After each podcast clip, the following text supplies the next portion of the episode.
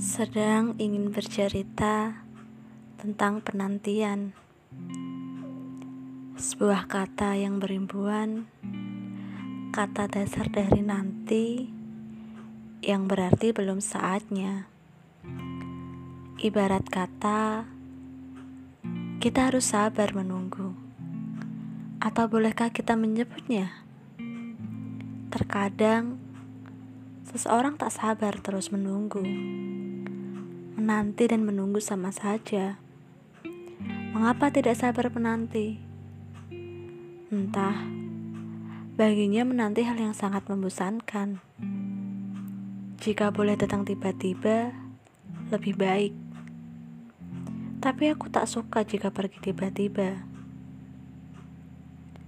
Datang tiba-tiba, apa itu tak membuat seseorang merasa belum persiapan? Karena kebanyakan yang datang tiba-tiba hanya mampir mencicipi hidangan yang aromanya sudah tercium dari jauh. Ya, tiba-tiba datang, lalu menghilang setelah mengetahui rasa hidangannya.